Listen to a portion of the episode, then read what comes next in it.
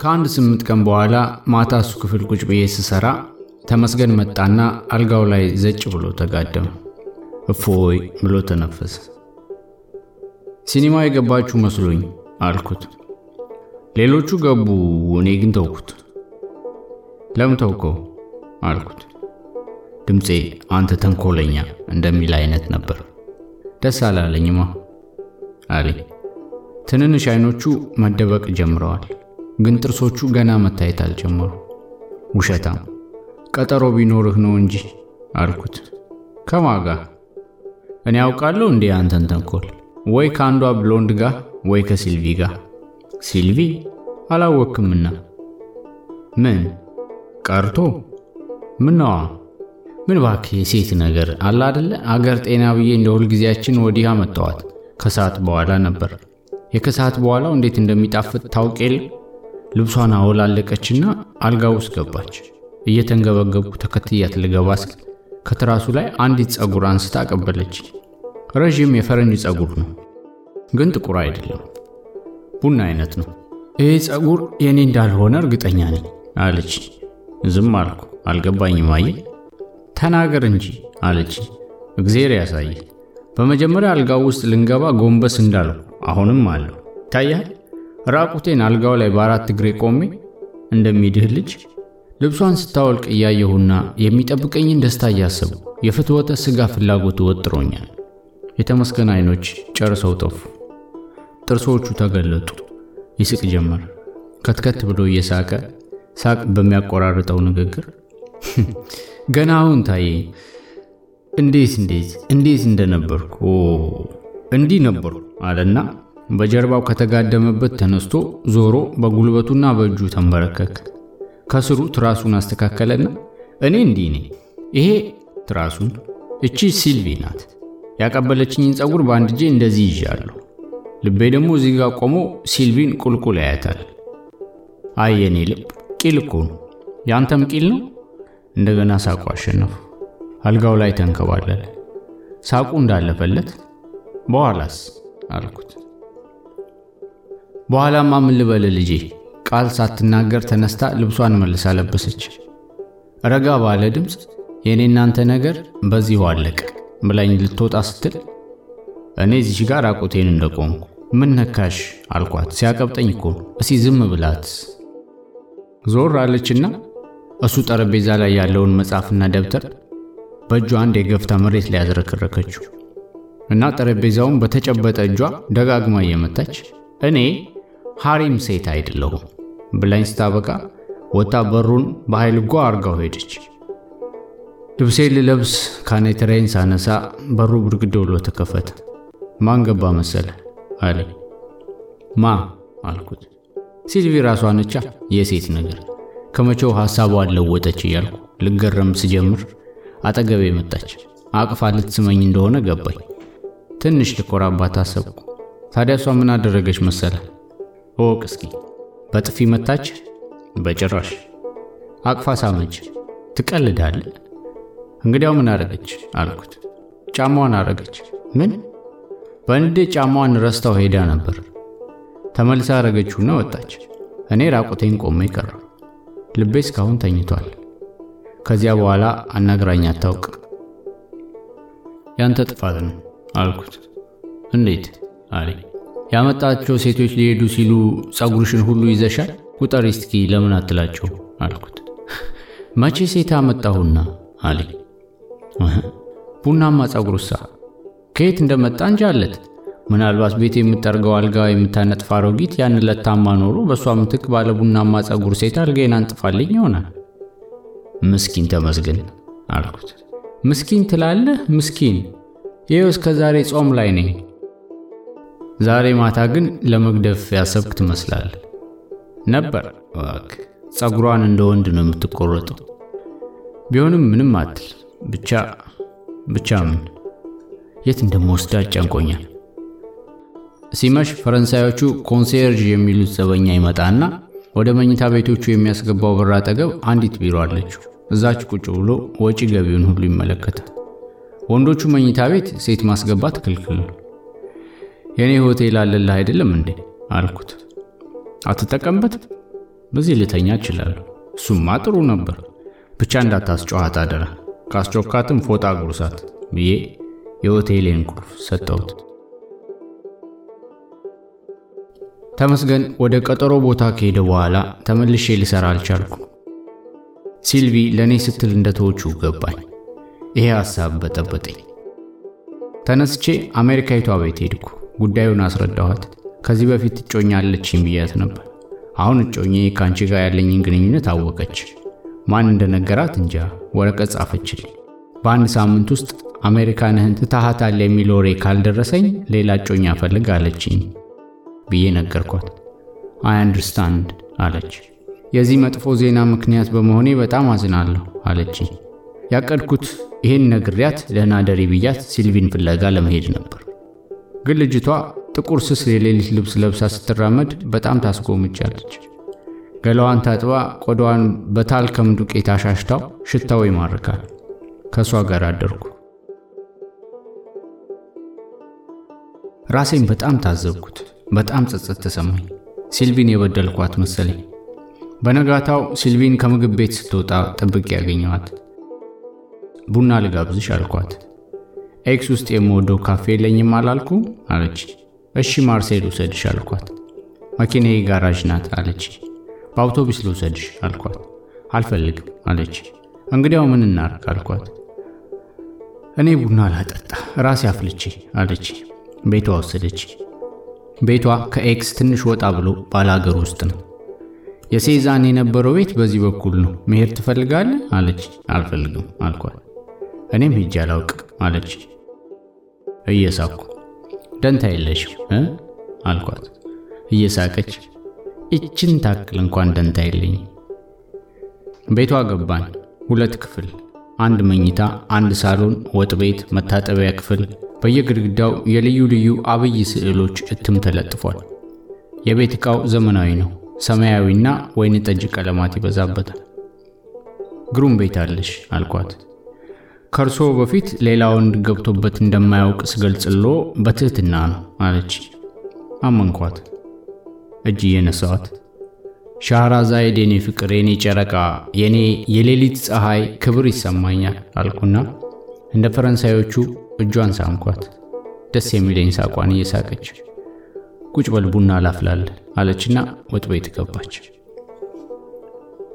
አንዱን ግድግዳ በሙሉ የያዘ ባለ አምስት ተርታ የሆነ የመጽሐፍ መደርደሪያ አለ። በፈረንሳይኛና በእንግሊዝኛ የተጻፈ መዓት መጽሐፍ ተደርድሮበታል። በአንዱ ተርታ የአርት መጽሐፍ፣ በአንዱ የፊሎዞፊ፣ የታሪክ፣ የሶሲዮሎጂ መጽሐፍት፣ በሦስተኛው ልዩ ልዩ አይነት መጽሐፍት፣ በተቀሩት ሁለት ተርታዎች ደግሞ ልቦለድ መጽሐፍት። መደርደሪያው አጠገብ መጽሔቶችና ጋዜጦች የተሸከመ ሰፊ ጠረጴዛ አለ። ወዲያኛው ግድግዳ ጥግ ትልቅ ራዲዮ ግራማፎን፣ አጠገቡ እንደ መጽሐፍቱ የተደረደሩ ሸክላዎች። ይህን ቆሜ ሳደንቅ መጣችና ቁጭ በል እንጂ ምላ ከሰማያዎቹ ሶፋዎች አንዱ ውስጥ አስቀምጠኝ። ምን አይነት ሙዚቃ ትፈልጋለህ? አለች።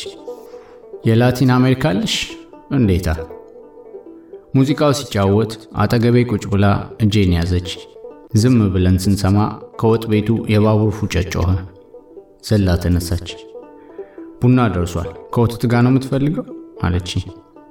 አዎን ውድ ሻህራዛይድ ሆይ አልኳት። ቡናውን ስንጠጣ ተመስገን ቤት መተውሽን ለምን አልነገርሽኝም? አልኳት። ጉልህ ቡናማ አይኖቿ በመልካም ብርሃናቸው አዩኝ። ውብ ሰፊ አፏ በፈገግታ ተከፈተ። ኩራት እንዳይሰማህ ብዬ ነዋ አለች። ጥቁር ጸጉሯን ወደ ታች እየዳሰስኩ ስሰማ እንዴት ደስ እንዳለኝ ልነግርሽ አልችልም አልኳት። ጉንጮቿ መቅላት ጀመሩ። ወደ ታች አየች። እንደሱ አትይኝ አለች። አገጯን በግድ ወደ ላይ አንስቼ አይን አይኗን እያየው ምን አለበት ባይሽ አልኳትና ግንባሯን ሳምኳት። ዝም ብለን ቡና በወተታችንን ፉት እያልን ሙዚቃውን እየሰማን ትንሽ ከቆየን በኋላ ለመሆኑ ተመስገን ትራስ ላይ ቡና አይነት ጸጉር እንዴት አገኘሽ አልኳት እየሳቀች። እኔው ራሴ ነኝ ይዤው ሄድኩት አለች። አንዲት ቡናማ ጸጉር ያላት ጓደኛለች። ቤቷ ሄጄ ከጸጉር ብሩሿ ጸጉሮች ለቅሜ ይዤ ሄድኩ። እኔም እየሳኩ ጫማሽን ሳታደርጊ ወጥተሽ ነበር ረስተሹ ነው አልኳት። ረስቼ አይደለም ታዲያስ የእውነት የተናደድኩ እንዲመስለው ብዬ ነው። ምናልባት ቡና አይነት ጸጉር እዚህ ሊገኝ በጭራሽ አይችልም ብሎ ያሰበ እንደሆነ ቀጥሎ እሷ ራሷ አምጥታው እንደሆነ ነው እንጂ ብሎ ሊያስብ ይችላል። ያን ጊዜ ራሷ አምጥታው ቢሆን ኖሮ በንዴት መጽሐፎቼንም ከጠረጴዛ አትበትንም ነበር፣ ጫማዋንም ማድረግ አትረሳም ነበር ብሎ ማሰቡ አይቀርም። በአድናቆት ራሴን ነቀነኩ። ይሄ ሁሉ ሲሆን ባህራምን አልረሳሁትም ነበር። ከምሳ በኋላ ላሞንዴ የተባለውን ስመጥር የፈረንሳይ ጋዜጣ ገዛና ካፌ ደርቤቴል ገብቼ ቡና በወተት በሲኒ አዝዤ ሀበሾቹ አጠገብ ቁጭ ብዬ ጋዜጣዬን ማንበብ እጀምራለሁ። ጩኸት፣ ሳቅ፣ ወሬ፣ የሲጋራ ጭስ፣ የሴቶች ሽቶ ካፌውን ይሞላዋል። በበጋው ሙቀት ምክንያት መስኮት ሁሉ ይከፈታል። ሰማያዊ ካኪ የሥራ ልብስ የለበሱ የፋብሪካ ሠራተኞች የቡና ማፍያ መኪና የተቀመጠበትን ረዥም ባልኮኒ በክንዳቸው ተደግፈው በተርታ ቆመው ፓስቲስ ወይም ነጭ አረቄ እየጠጡ የፋብሪካ ዘይት ምናምን ያቆሸሸውን ቀያይ ጸጉራም እጃቸውን በብዙ እያንቀሳቀሱ በአስቂኝ የደቡብ ፈረንሳይኛቸው ያወራሉ። ከባንኮኒው ዳር ከመስታወት የተሠራው በር አጠገብ የካፌው ባለቤት መሲየ ፖል የቂል ሳቁን እየሳቀ ሜርሲ ሜርሲ፣ እግዜር ይስጥልኝ፣ እግዜር ይስጥልኝ እያለ የሚከፍሉትን ገንዘብ ይቀበላል። ቴምብርና ሲጋራ ይሸጣል። ከባንኮኒው ኋላ ቆንጆዋ የመስዬ ፖል ሚስት ባጭሩ የተቆረጠ ብጫ ቢጤ ቀለም የተቀባ ጸጉሯ እያብለጨለጨ ለሰዎቹ ቡና ወይም ፓስቲ እያቀበለች ከወጣቶቹ ጋር ፈገግታና ቃላት ትቀባበላለች፣ ትሽኮረመማለች፣ በማርሴይ ዜማ ታወራለች። ሸርሞጥሞጥ የምትል ሴት ናት። ድምጿ፣ አስተያየቷ፣ አረማመዷ፣ ሁለመኗ ወንድ ይጠራል። መስዬ ፖል በብስጭት ነው የሚኖረው ሲባል እሰማለሁ። ግን ተማሪው ሽማ የላትም ይላሉ። ተማሪዎቹ መስዬ ፖልን ይወዱታል። ሚስቱን ሊነኩበት አይፈልጉ። እሷም ተማሪ የምትፈልግ አትመስልም። ውሽሞቿ ጎረምሶች የፋብሪካ ወይም የኩባንያ ሰራተኞች ናቸው።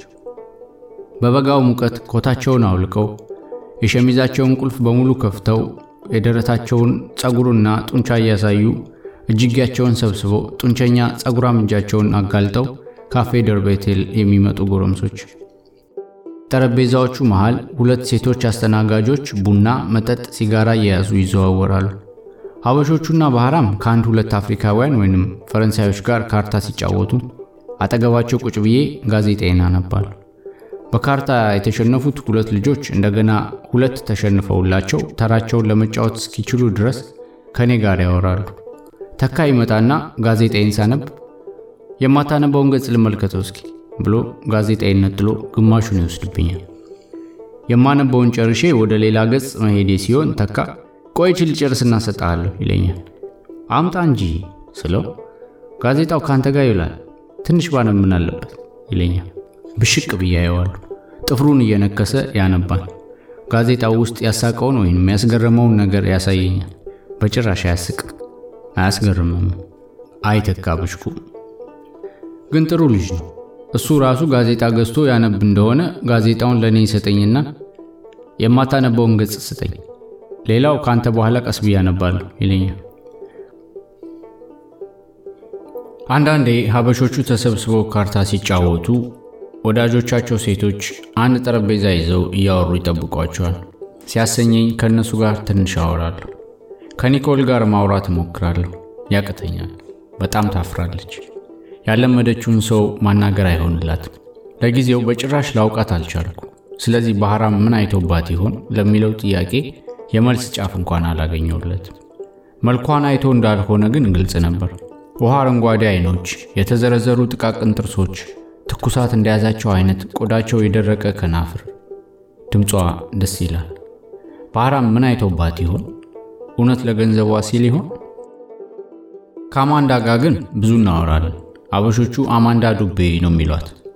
ሉል ሰገድ ይዟት ሊሄድ ሲል ተካ እንግዲህ ሂድና ዱባን አገላብጥ ይለዋል። ሉል ሰገድ አንተ ደግሞ ከዱባ የተሻለች እስክታገላብጥ ድረስ ስለ ዱባ ባታወራ ጥሩ ነው ብሎት አማንዳን አቅፎ ይሄዳል። አማንዳ በእንግሊዝኛ ምንድን ነው የሚለው ትለዋለች። ተይ ዝም ብሎ ይላታል። ጋዜጤን አንብቤ ሰውን አይቼ ባህራምን ተመልክቼ ስለ ራሱ ለማውራት ዝግጁ እንዳልሆነ ከተገነዘብኩ በኋላ ከካፌው ወጥቼ ወደ ኩርሚራቦ በኩል ትንሽ እራመዳለሁ። ወደ ኋላ ዞሬ ማንም ኢትዮጵያዊ እንዳልተከተለኝ ካረጋገጥኩ በኋላ እታጠፋለሁ። ወደ ሲልቪ ቤት አመራለሁ። አንድ ቀን ባህራምን ያስከው አለች። የለም አልኳት። የምትይዘው ይመስላል እርግጠኛ ነኝ። የምስራቅ ሰው እንደሆንክ ያስታውቃል። ጊዜ የሚያመጣውን ጊዜ እስኪያመጣው ትጠብቃለህ እንጂ ጊዜ ልታጣድፈው አትሞክርም። የምዕራብ ሰው ብትሆን ኖሮ ባህራምን ሄደ ታወራዋል፣ ታወጣጣው ነበር። እንደሱ ካሮኩማ እሱን ራሱን ላውቀው አልችልም። የማሰብና የሰዋሰው ችሎታውን ብቻ ነው ላውቅ የምችለው። ምን የሚል ይመስላል? ምን እንደሚልማ ማወቅ ቀላል እንግዲያው ምንድን ነው የምጠብቀው? ያ ያልኩሽ ጊዜ እስኪመጣ ተጠንቅቄ የምሰማው ቃላቱን አይደለም እኮ ታዲያ ድምፁን ነው፣ ዜማውን፣ እንዴት እጁን እንደሚያንቀሳቅስ፣ ምን ሲል ድምፁ እንደሚለሰልስ፣ ምን ሲናገር ግንባሩ እንደሚቋጠር፣ አንዳንድ ጊዜ እኛ ሳናውቅ ፊታችን ላይ ፈገግታ ወይም ሐዘን በገዛ ራሱ ይጫወት የለ ያንን ነው የምጠብቀው። አንድን ሰው የምናውቀው በሚናገረው ቃላት አይደለም፣ የሚናገረውን ሲናገር በሚያሳየው ገጽ፣ በሚያሰማው ድምፅ፣ እሱን እሱን ለማወቅ ነው ባህራምን አድፍጬ የምጠብቀው። ከሰዓት በኋላውን ከእሷ ጋር አሳልፈዋለሁ። እንቅልፍ ከወሰደን ወደ 11 ሰዓት ላይ እንነቃለን። ወይ እናወራለን፣ ወይ እናነባለን፣ ወይ ሙዚቃ እንሰማለን። ሰኞና አርብ በ10 ሰዓት ላይ ክፍል አለባት። አንዳንዴ ከእንቅልፌ ሳትቀሰቅሰኝ ሄዳ ስትመለስ ትቀሰቅሰኛለች።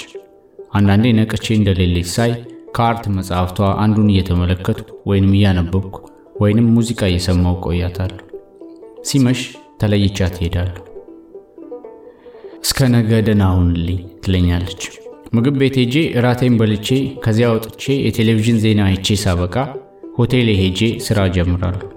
አሜሪካዊቷ መምጣት ትታለች ወይም ሲኒማ እገባለሁ። ከሲኒማ በኋላ ለመስራት እሞክራለሁ። እምቢ ካለኝ የሌሊት ጸጥታ የዋጣቸውን የኤክስ ጠባብ መንገዶች እዘዋወርባቸዋለሁ። ንጉሳቸው ነኝ። ጠዋት ተነስቼ ቁርሴን ሁለት croissant በልቼ ቡና በወተት ጠጥቼ ወደ ቤተ መጻሕፍቱ ሄጄ እስከ ምሳ ሰዓት እሰራለሁ። ክፍል መግባት ከተውኩ መቼ ዘመን የለኝም። ከምሳ በኋላ ካፌ ዶር ቤቴልን ጎብኝቼ ወደ ሲልቪ ይሄዳሉ። በሰፊ አፏ እየሳቀች ትቀበለኛለች። አያሌ ቀናት ካለፉ በኋላ ተመስገንን እየሳቅኩ ሲልቪ እንደወጣች ቀረች አልኩት። ቀረች አለኝ። አሁንማ ብትመለስም አልፈልጋትም። ምን ነው አንጎሏ ምላጭ የሆነች ሴት መቶ በመቶ ሴት አትመስለኝ። አሁን አንዲት ጂል ቢጤ ፈረንሳያዊ ይዣለሁ። በጣም ተስማምታኛለች። ዝብዝብ የለ፣ ፖለቲካ፣ literature ምናምን የለም። ያቺ ግን ስለ ኢትዮጵያ የምጠይቀኝ ጥያቄ ለመመለስ ብቻ ስንትና ስንት አስፕሮ መዋጥ ያስፈልገኝ ነበር። ያውም አብዛኛውን ለመመለስ አልችልም። እኔ ግን በጣም ደስ ትለኛለች ልጄ አልኩት። እውነት በጭራሽ አትፈልጋትም?